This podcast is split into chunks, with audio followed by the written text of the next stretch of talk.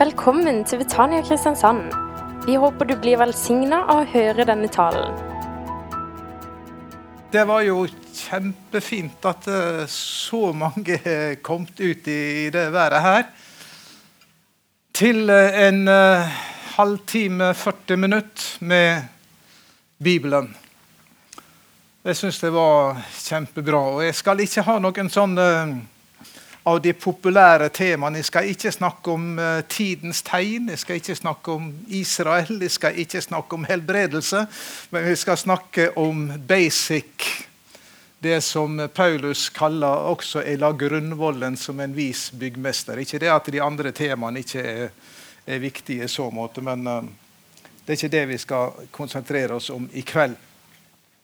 Uh, dere har kanskje lurt på litt om uh, dette temaet som er satt opp da, om uh, Kristusorientert åndelighet.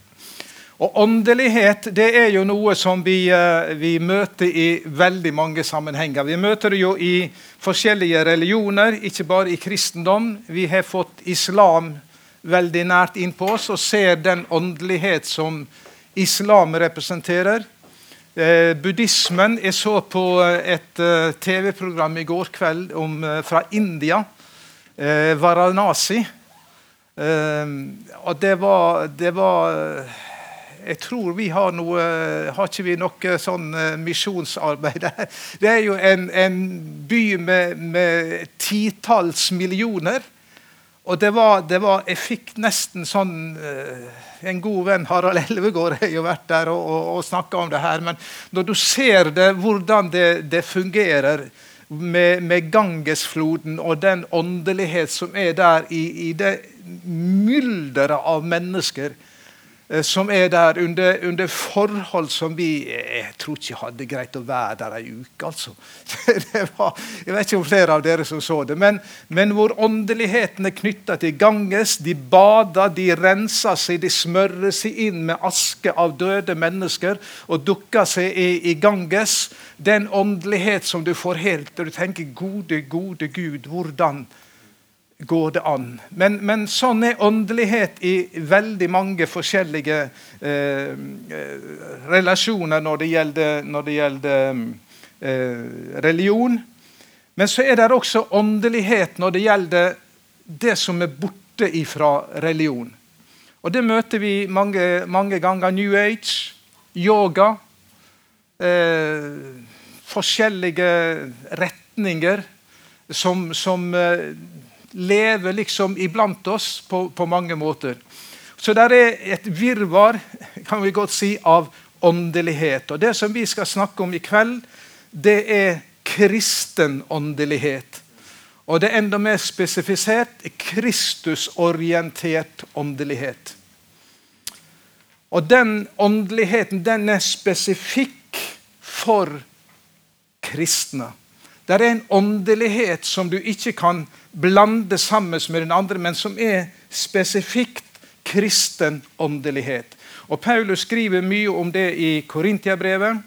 Og Vi skal se på disse fire eh, timene vi skal ha, gangene vi skal ha, på forskjellige sider ved denne, denne åndeligheten. Og Det vi skal begynne med i dag, det er altså Kristusorientert åndelighet. Um, ja, I dag så må vi ta litt bakgrunnsstoff også, så, så kanskje holde på litt lenger eller ellers. Men det skal ikke bli mye. Men først av alt byen Korint. Du må huske på at Korintiabrevet er skrevet av en apostel til en menighet for omtrent 2000 år siden. Eh, miljøet som var da, tiden de levde i, var jo totalt annerledes enn den som er, vi lever i. Byen Korint lå ca. ti mil fra Aten. Eh, det var et eh, stort militært nærvær fordi at den var romersk provinshovedstad. Så Rom satte sitt tydelige preg på byen Korint. Og Allerede på denne tiden når Paulus skriver Korintiabrevet, så var keiserdyrkelsen ganske utbredt. De dyrka Keiserne ville bli dyrka som herre, som Gud. De begynte å, å, å sette krav om at uh, Folk skulle tilbe de som Gud. Ingen annen herre eller keisere. Innbyggertallet var ca. 100 000, sånn cirka, de vet ikke helt eksakt. Og de regna med at to tredjedeler av de innbyggerne var fattige slaver. Det var en veldig skilnad mellom rike og fattige. Det var en by med etniske, filosofiske og religiøst mangfold. Og vi kan, eh, vi kan eh, rygge litt tilbake når vi ser alt det som florerer i Kristiansand. Det er jo en hyggelig by. Men, eh, men ja, i Norge og utviklinga osv. Så, videre, så er det barnemat imot det som var i Korint. Det var en by med tolv forskjellige avgudstempler som var aktivt dyrka fremmede guder, tilba fremmede guder. Eh, de hevder at det var 1000 tempelprostituerte i Korint. Vi, når vi leser i Feven om at det er 10-15 prostituerte fra Eritrea her i byen, så rygger vi tilbake. Der var det ca. 1000 tempelprostituerte. Som ikke la skjul på hvem de var, og ikke ble etterforska av politiet. Det var åpent i samfunnet der. I avgudstemplene så spiste de offermåltid for de forskjellige gudene. Det var mysteriereligioner med hemmelige innvielsesritualer. Det var en handelsby med mye fornøyelsesliv og umoral. og Derfor kom også uttrykket 'å leve på korintisk vis'. Det var en av de mest uh, umoralske hvis vi skal si det sånn, byene som var på den tid i Romerriket. De hadde også de istmiske lekene annethvert år. Og Paulus refererer jo til de. Han skriver om de strid for en seierskrans og bisner. Det var den seierskransen som var laga av villselleri, som eh, de fikk, de som vant i disse veddeløpene. Og så brukte da Paulus det som, eh, som bilde på at vi får en krans som ikke visner. Så litt om eh, Paulus som kommer til Korint. Apostelgjerningene kapittel 18. Der leser vi om Paulus som kommer til Korint. Han har vært i Aten. Han har holdt sin, eh, sin um, kjente tale på Argopagos. Og Så er han der bare en kort tid, og så reiser han til Korint. Og Det er ca. år 50 han kommer dit. I apostelgjerningen kapittel 18 så, så leser vi jo hvordan han kommer. Og så gjør han som han pleier å gjøre. Han går opp til, eh, til eh, synagogen på sabbaten, og så holder han samtale med de som er der. Og så kommer eh, Timotius er det vel, og en til, ja, som kommer opp til Silas. Er det det det står? Ja. Men i alle fall så kommer to av hans medarbeidere, og da vier han seg helt til forkynnelsen. Og Da blir det bråk i den jødiske synagogen. Og Da flytter Paulus ut ifra Han bosetter seg ved, ved synagogeforstanderen, tar jo imot Jesus og blir døpt. Og Så bor han hos han i nærheten av synagogen. Og til eh, mer Paulus underviser om Jesus som Kristus, som Messias, så blir det bråk. Og Det blir så mye bråk at de, de, eh, de tar Paulus og de drar han til retten. Men eh, høvedsmannen, eller Gaius, romerske eh, lederen der, han eh, nekta for å ha noe med dem å gjøre når det dreier seg om den jødiske lov. Da får de ordne opp sjøl. Og Så tar jødene og, og, banker opp en synagogeforstander som heter Sostenes. og Han er sikkert med som eh, forfatter sammen med Paulus her, eller hilser fra han i, eh, når de skriver brevet. Men Han får rett og slett juling, men Gaius han bryr seg ingenting om det.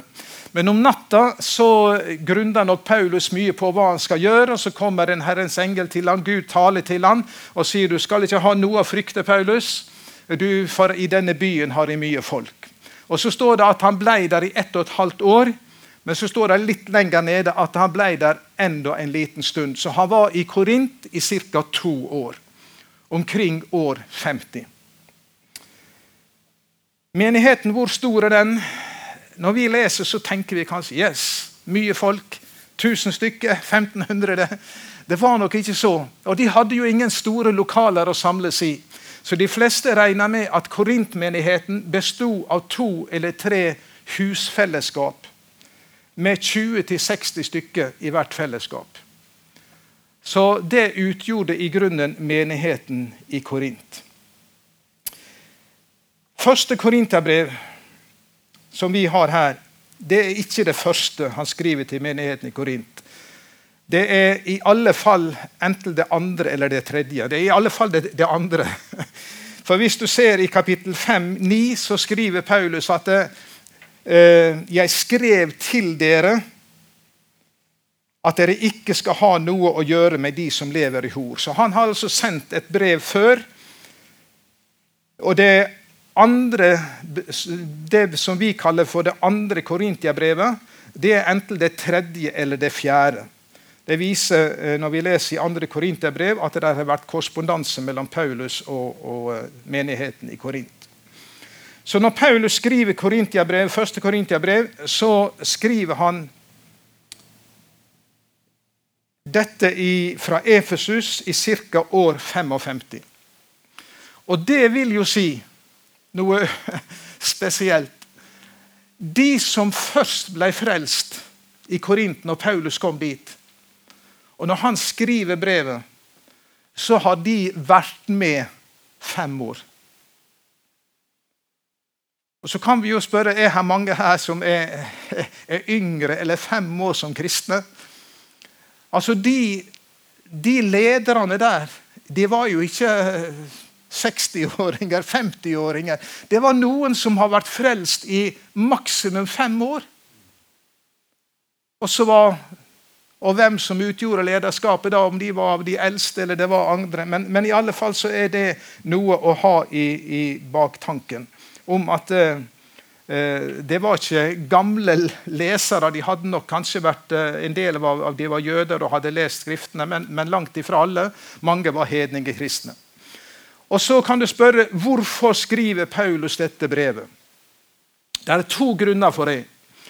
Det ene skriver han, første delen skriver han for, på grunn av det han har hørt. Han skriver jo ganske tidlig at uh, han har hørt om splittelse imellom dem. De favoriserer forskjellige forkynnere. Paulus, Apollos, Kefas osv. Og, så skriver han også at han hører at det er hor iblant dem. Så han skriver altså pga. det han har hørt. Men så når vi leser gjennom, så ser vi også at han skriver pga. at han har fått brev ifra dem med forskjellige spørsmål og de spørsmålene og det de har skrevet til Paulus, de har vi jo ikke. Men vi har bare svarene som Paulus gir. Og det er jo litt sånn Det er litt sånn vanskelig, fordi at du har, hvis du har en, en, debatt eller en samtale, da, og du bare har den ene parten, så er det litt vanskelig å få helheten. Men det må vi huske på når vi leser i, uh, i uh, Korintiabrevet. At uh, her svarer Paulus på noe som vi ikke helt eksakt vet hva de har spurt om. Vi vet konklusjonen sånn, og noen ganger så virker det som om Paulus faktisk, uten å si det, refererer til noe de har sagt. Og så imøtegår han det i samme, i samme setning, nesten. For så sier han 'Jeg har lov til alt'. Er det noe Paulus sier, eller er det et sitat av det de har skrevet? Fordi det var noen som hadde misforstått den kristne friheten. Så svarer Paulus nesten i samme setningen. Ja, men det er ikke alt som bygger opp. Jeg har lov til alt. Ja, men det er ikke alt som gagner. Jeg vet ikke, men, men det er sånne tanker som du kan ha når du leser i Korintierbrevet. Vi ser at menigheten i Korint Paulus hadde vært der og lagt grunnvollen som en vis byggmester. Og det var Kristus. Og Det som har skjedd nå i løpet av ca. tre år, det er at mange har begynt å bygge med halm og strå. Og det som er enda verre, De har begynt å bygge utenom selve grunnvollen. Og Han sier det, det er jo veldig tydelig. Det som han vil si at det, det går jo ikke an å både delta i nadværfellesskapet og samtidig delta i avgudsofringene. Det går ikke an å så delta i, i, forsamlingen og samtidig drive hor. Vi skal komme tilbake til hvorfor det var så lett for dem å skeie ut på denne måten. Og I, i Korint så var det tydelig en karismatisk konkurranse med å få del i karismatiske, sterke opplevelser. Og Paulus måtte, måtte, bruke mye tid på å veilede. Det var uorden i gudstjenesten. Det gjorde forskjell på fattige og rik. Og det var mye som var i uorden. Og Så hadde de skrevet til ham om noe av dette, og så hadde han hørt om noe av dette, og så skal han prøve å gi dem veiledning. Og Da er det jo interessant å, se på hvordan veileder Paulus de. Han går ikke rett på sak og sier 'sånn må dere ikke gjøre'. Men det som Paulus gjør, og som jeg tror er viktig for oss, uansett hvor vi, hvor vi er hen i løypa, det er at han gir en identitetsskapende undervisning. Det som er viktig for de i Korint, det er å vite hvem er dere som kristne. Hva er dere i Kristus Jesus? Det er grunnvollen de må inn på. For Hvis ikke grunnvollen er til stede, så nytter det ikke om de har karismatiske opplevelser, om de har store drømmer, om de har mye følelser osv. Det som er viktig, det er at de kommer inn på grunnvollen, som er Jesus Kristus. Og Når eh, vi tenker på vår åndelighet, hva består den i? Er det følelsene våre? Er det opplevelsene våre? Er det de herlige lovsangstundene? Er det når vi vibrerer liksom i følelseslivet vårt? Er det det som er den kristelige åndeligheten vi bygger på? Jeg leste i, i går, jeg fikk et magasin i posten som jeg abonnerer på. Så skriver en forholdsvis kjent kristen journalist Jeg var livredd for å komme i nærheten av Den hellige ånd pga. den karismatiske praksisen jeg opplevde i min ungdom. Og Samtidig så kjente han der er en lengsel. Der er en lengsel etter åndens liv. Men brent barn skyr ilden. Nå må vi begynne å lese. Og jeg visst prata meg vekk. Første Korinterbrev, kapittel 1, og vi skal lese de ni første versene. Og vi skal faktisk holde oss mest i det fjerde og i det niende. Men dere ser at han kommer både med oppmuntring, og han kommer For alle hadde vi ikke spora av. Men han kommer med, med en apostolisk veiledning. Og nå, Når vi leser de ni første versene Nå er det forskjellige oversettelser. Det kan gjøre litt sånn, men det er jo stort sett det samme. Da, men litt variant i, i, i ordbruken. Nå skal jeg lese de ni første versene. og Så kan jo dere telle hvor mange ganger i løpet av ni vers sier Paulus Jesus Kristus, eller Kristus Jesus, eller bare Kristus. Og Da vil dere forstå hvorfor jeg kaller dette Kristusorientert åndelighet. Nå leser jeg. Paulus Jeg må ha litt, vann først. Paulus, som etter Guds vilje er kalt til Kristi Jesu apostel, og vår bror Sostenes, hilser Guds menighet i Korint. Dere som er hellige i Kristus Jesus, kalt til å være hellige, sammen med alle som på hvert sitt sted påkaller vår Herre Jesu Kristi navn. Han som er deres og vår Herre. Nåde være med dere og fred fra Gud vår Far og Herren Jesus Kristus. Jeg takker alltid min Gud for dere, for den nåde Han har gitt dere i Kristus Jesus. I ham er dere blitt rike på alt, på all lære og all kunnskap. Vitnesbyrd om Kristus har da også fått sikkert feste hos dere. Derfor mangler dere ikke på noe nådegave mens dere venter på vår Herre Jesus Kristus skal åpenbare seg.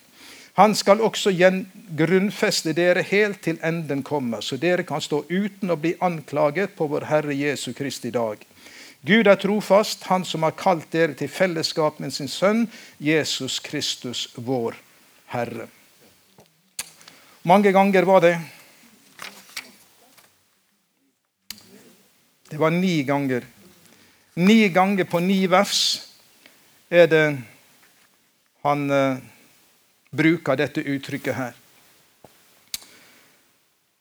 Og Kristus er jo ikke et navn, det er en tittel. Det er den greske tittelen på Messias, det hebraiske Messias, den salvede. Og For Paulus er det veldig viktig å slå fast Kristus er Messias, den salvede, som skulle komme. Det understreker han her. Og Så kan vi spørre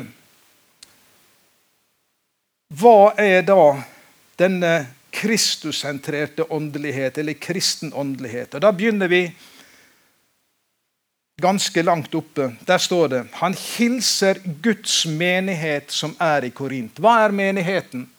Er det en samling av eh, folk som er enige om det meste? Folk som ser likt på alt i teologien, eller som er lik sosial status eller videre. Det er det jo ikke. Men han sier 'dere', altså menigheten, som er helliget i Kristus Jesus.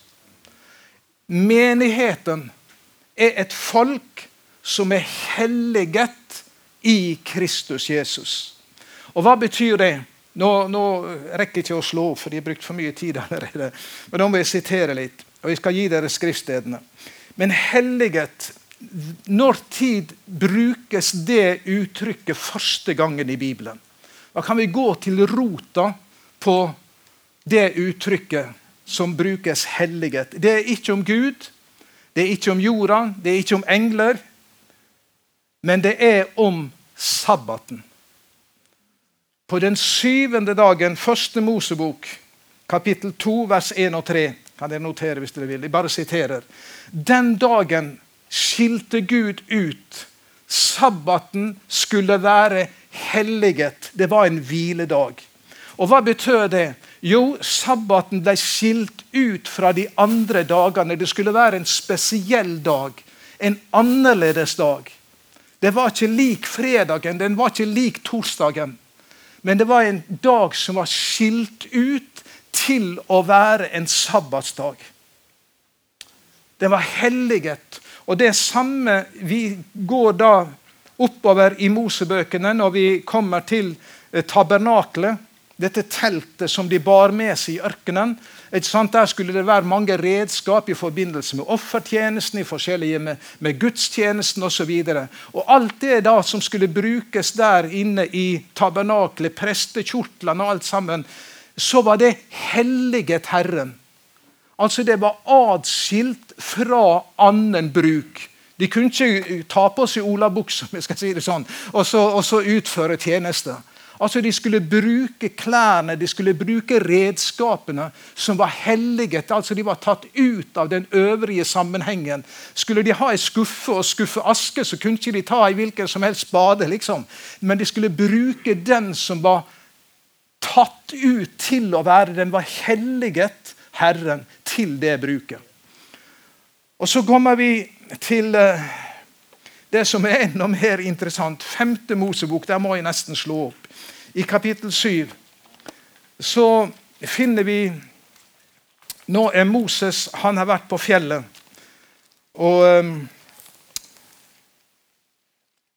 han har med, med, Gud å gjøre, og så kommer Gud uh, til uh, ja, Vi tar det i 5. Mosebok kapittel 7 så, så taler Gud til, til, Moses om israelsfolket. Og så sier han noe om dette folket, dette jødiske folket, som han kalte ut i forbindelse med, med ut fra Egypten og, og, sendte Moses til det. Så sier han i vers 6.: For du er et hellig folk for Herren, din Gud. Blant alle jordens folk har Herren din Gud valgt deg til å være hans folk, hans dyrebare eiendom. Ser du? Det, Israels folk var hellige. De var ikke det at de var så prektige i seg sjøl. De var jo et gjenstridig folk. Men de var hellige fordi at Gud hadde tatt de ut som et spesielt folk, annerledes enn alle andre verdensfolk. Det var Guds folk. Og så bruker da Paulus dette uttrykket i første Korintiabrev og sier at korintermenigheten den er helliget. Den er kalt ut i Kristus Jesus. Og Han er helt på linje. Han bruker, bruker det også i, um, i Romerbrevet. Men vi kan godt, uh, jeg skal bare sitere fra 1. Peters brev, hvor du ser at apostlene er helt på linje. Og Da sier Peter i kapittel 2, 1. Peters brev, kapittel 2 og vers 9. Og hør hva han sier. Men dere er en utvalgt slekt, et kongelig presteskap, et hellig folk. Et folk som Gud har vunnet for at dere skal forkynne Hans storverk, Han som kalte dere fra mørket og inn i sitt underfulle lys. Dere som før ikke var et folk, er nå Guds folk. Dere som før ikke fant barmhjertighet, har nå funnet barmhjertighet. Ser du det som før var sagt om Israel, sies nå om de som er i Kristus Jesus. Ser du linjen tilbake til det jødiske folk, og så trekkes linjen til Kristus. De som er i Kristus, de er hans folk. De er Guds folk. De er utvalgt, de er helliget. De er et annerledes folk. Og så minner han de om dette til korintermenigheten. Han legger de det på hjertet. De, dere må vite hva dere er. Dere er ikke blant det folket dere var før. Dere er utvalgt til å være Guds folk. I Kristus Jesus. Det er ikke det at de var så prektige og har gjort dette i seg sjøl, fordi de, de har uh, fått det pga. den Guds nåde som er, er gitt dem. Men altså, de er hans folk i Kristus Jesus. Og Det er det vi er som menighet her i Betania og i andre som, som er tatt imot Kristus. Jesus. Vi er et annerledes folk. Vi må vite hvem vi tilhører. Det er ikke hjelp i å si at du må slutte med det og det, men du må komme inn på grunnvollen. Du må vite hvem du er, og hva Kristus har gjort for det og i det. Og så går han videre. Oi. Og så sier han dere er et utvalgt folk. Og så går han og så sier han dere er kalt til å være hellige. Et folk som er utkalt til å representere Gud i verden. Og så er vi kalt til å leve et hellig liv. Hellige til Kristus, kalt til å leve i hellighet. Og Det hadde jo mange av korinterne opplevd. Hvis du går til kapittel 6 i Korintiabrevet, første Korintiabrev her, så sier han jo noe om noen av de, hva de har opplevd, og de får lov til å ved Guds nåde å leve i også. I kapittel 6 så han om, snakker han jo han fra vers 9 og utover om de som gjør urett, som ikke skal arve Guds rike osv. De som lever i hor og i avgudsdyrkelse osv. Så sånn. Og så sier han i vers 11.: Slik var noen av dere før. Men nå er dere vasket rene. Dere er gjort hellige. Dere er gjort rettferdig i Herren Jesu Kristi navn og ved vår Guds ånd. Så noen av de, de var blitt blitt av Guds folk og rettferdige, men de også hadde fått legge av seg de gamle syndevanene som de, de hadde. Og De levde jo i dette presset fra Korint.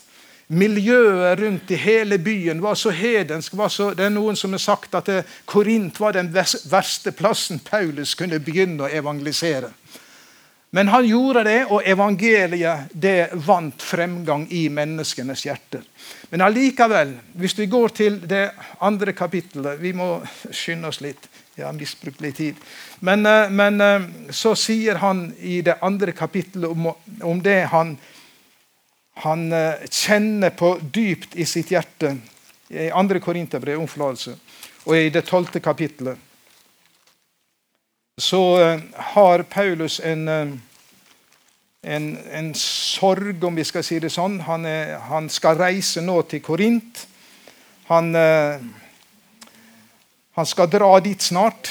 Men så sier han her i 2. Korinterbrev kapittel 12 og vers 20. For jeg er redd at jeg at jeg ikke skal finne dere slik jeg vil når jeg kommer, og at dere ikke finner meg slik jeg vil. Jeg er redd jeg skal finne strid, rivalisering, hissighet, selvhevdelse, baktalelse, sladder, hovmod og opprør.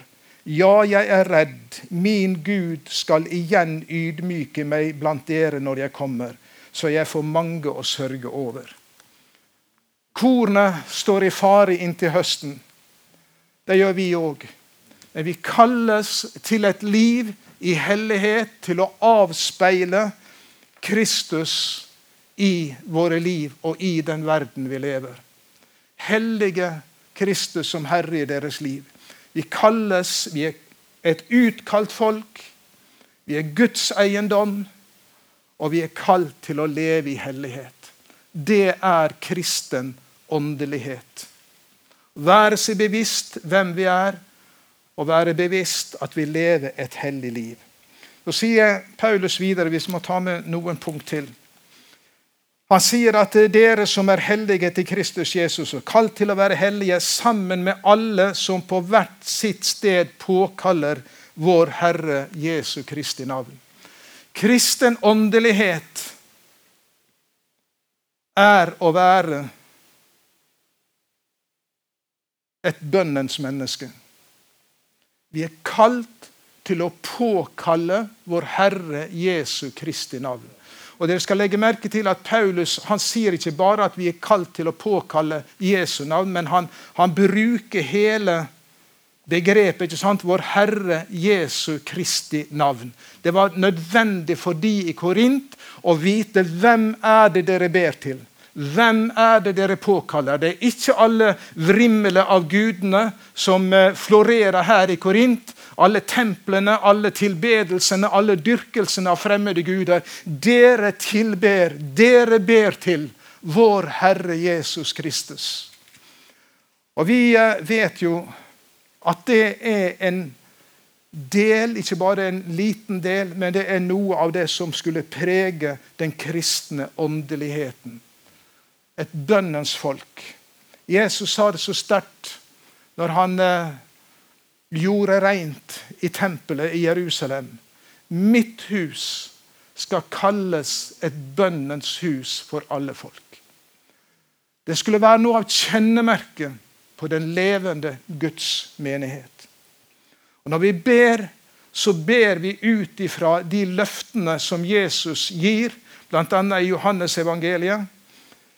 Han eh, sier det både i kapittel 14, vers 13-14, om at når vi ber om noe i hans navn, så skal han gi oss det. Og I kapittel 16, vers 23 og 24 så snakker han om at vi skal be Faderen, og han skal gi i mitt navn, sier Jesus. Vi ber ut ifra løftene som Jesus har gitt oss, at han vil høre, han vil svare våre bønner. Bønn er ikke kravmentalitet. Bønn er et tilbud ifra den allmektige Gud. At vi kan be i vår Herre Jesu Kristi navn. Vi har frimodighet pga. Jesu blod, ikke pga. våre gjerninger.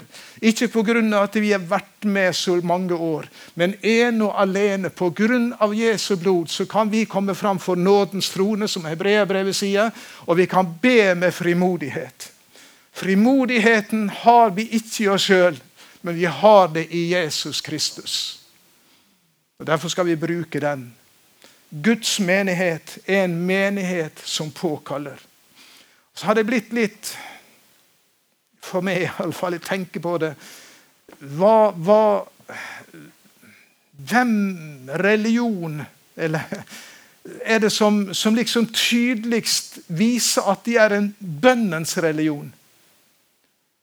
Og Da har jeg spurt meg sjøl Kanskje det, det er her i Norge, men, men, kanskje det er muslimene. Hvis du spør en vestlig eh, menneske, så de vet hva ramadan er.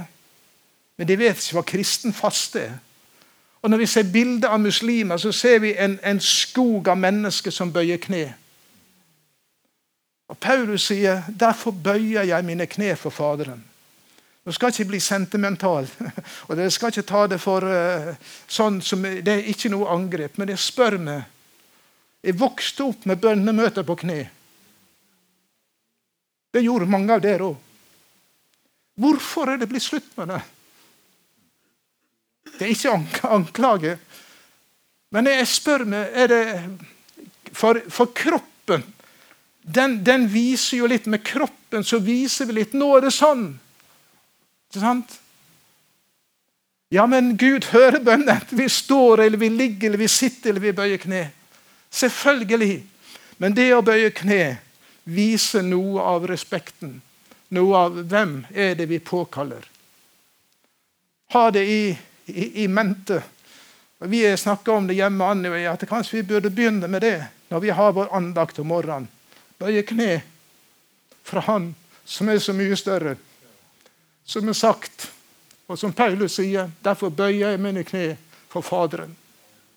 Men i alle fall Guds menighet, den åndeligheten som skulle prege deg, det er også bønnen. Og det er ikke krav om at den skal være sånn eller sånn. Det er ikke engasjementet vårt. Det er ikke, det er ikke liksom intensiteten og alt det der. Du kan be med skrevne bønner, med Salmenes bok. Med, med det, det, det, er ikke, det, er ikke, alt det der rundt som er avgjørende, men vi ber i vår Herre Jesu Kristi navn. Vi har frimodighet fordi at eh, Han har bana veien for oss. Så kristen åndelighet, det er å være et bønnefellesskap. Til slutt Nesten, iallfall. Orker dere mer? Ja, dere er nesten nødt til å si det. eh, det er én ting som eh, han eh, Jeg vet ikke om dere la merke til det. Men i disse ni versene så knyttes Jesus Kristus til ordet Herre. Herren Jesus Kristus. Og vi, Når vi leser det, og vi tenker det Herren Jesus, ja, Herren Jesus, og når jeg ber også, så, så, så, så mm, merker jeg det at jeg sier ofte Herre, Herre Jesus. Men for korinterne så var det noe helt annet enn det vi legger i det, eller legger i det, men i alle fall sånn opplevelsesmessig. For der, som jeg sa, keiserdyrkelsen den var begynt å gjøre seg veldig sterkt gjeldende. Og da var det, Hvis noen ikke tilba keiseren, så var det omtrent døden. De eneste som slapp det, det var jødene. De hadde en spesiell avtale faktisk med den romerske keisermyndigheten fordi de hadde, Det var den eneste religionen som hadde Det var én gud. Og det var helt utenkelig for jødene å så bøye kne og tilbe noen annen. Så da måtte han slette ut alle jødene. Måtte rydde de ut, rett og slett. Men det gjorde de jo ikke. og Derfor så lagde de en spesiell skal vi si, avtale med det jødiske folk. De skulle få lov til å tilbe sin gud. Men når menigheten, når den kristne menigheten begynte, Og jødene de drev jo ikke misjon. De ble jo ikke flere. Det var jo bare gjennom barnefødsel. Sant? Men, og, og, det var jo sikkert derfor også, når vi leste i, i apostelgjerningene 8 om uh, Akvilas og Saf, uh, ja, som uh, Paulus slo seg sammen med, de var kommet fra Rom fordi at Claudius, keiser Claudius hadde bestemt at alle jødene skulle ut fra Rom. Fordi at Når de ikke tilba, så kunne jo det spre seg. Men når de kristne menighetene ble planta, og de nekta å tilbe keiseren, så var jo menighetene ekspansive. De drev jo misjon. De ble jo flere og flere og flere. ikke sant? Og det måtte keiserdyrkelsen eller det måtte keiseren sette en stopper for. Så det de kristne på den tid utover de ble ikke forfulgt pga. at de var kristne. Eller pga. den kristne troen. De kunne tro på hva de ville. Det var jo et hopetall av religioner. Men de ble forfulgt fordi at de ikke ville bøye kne og tilbe keiseren som Kyrios som konge. Og Derfor så skriver Paulus i Korinterbrevet For oss er det bare én Herre. Og Når han skriver det, så er jo det så sterkt Han kunne I kapittel 8, vers 5 og 6 så var jo det nesten til å utfordre de at det kan hende det koster dere livet å bekjenne bare Kristus som Herre, og ikke keiseren. Og for det gikk de gjennom ild og vann. De ble kasta til løvene, men det var selvfølgelig noen gav etter. Men mange de sto. Det var utenkelig for dem å tilbe keiseren. Og keiserdyrkelsen den tiltok utover i det første og det andre århundret. sånn. Det tilbad han som Herre. Hvordan er Herren? Jeg hadde lyst til å, å, å, ta med Jeg må, må, bare sitere. Jeg skal gi dere skriftsteder. I andre Mosebok, kapittel 33 og 34, så, så har vi Moses på fjellet. Han har mottatt loven, ikke sant? Og så vet vi hva som skjedde når han eh, kom ned igjen etter den første gangen han hadde vært oppe på, på fjellet. Da eh, var det slik at Aron og folket de hadde, de hadde faret vill. Og så knuste Moses tavlene, og så gikk han opp på fjellet igjen. Og så ber han for folket, kapittel 33. Eh, han har et, et sterkt ønske, og han sier i kapittel 33, vers 18.: La meg få se din herlighet, sa Moses. La meg få se den. Så svarer Gud nei. Du, jeg skal la min godhet gå forbi det, men ansiktet mitt kan du ikke få se. Nei, så gikk Herren forbi. Det var et sted han skulle stille seg tett ved. Og så ut i kapittel 34, vers 5, så steg Herre ned i en sky. Så stilte seg hos ham, og så ropte han ut navnet Herren. Og Da står det i vers 6.: Herren gikk forbi ham og ropte. Herren er Herren, en barmhjertig og nådig Gud, sen til vrede og rik på miskunn og sannhet. Da hørte, hørte Moses røsten, men han så ingen. Så ikke noe ansikt. Men han hørte ordene. Herren er Herren. Herren er nådig, barmhjertig og nådig, sen til vrede og rik på miskunn. Så går det århundre etter århundre. Så skriver jo Salmenes bok om Herren som er barmhjertig. Så skriver profeten Jeremia i klagesangen for budskap fra Gud. Herren er barmhjertig. Hans barmhjertighet tar ikke slutt. Så går århundrene, og så skriver Johannes i sitt evangelium, kapittel 1. Ordet, ordet som ble talt på Sinai-fjellet om Herren. Ordet ble kjøtt og tok bolig blant oss.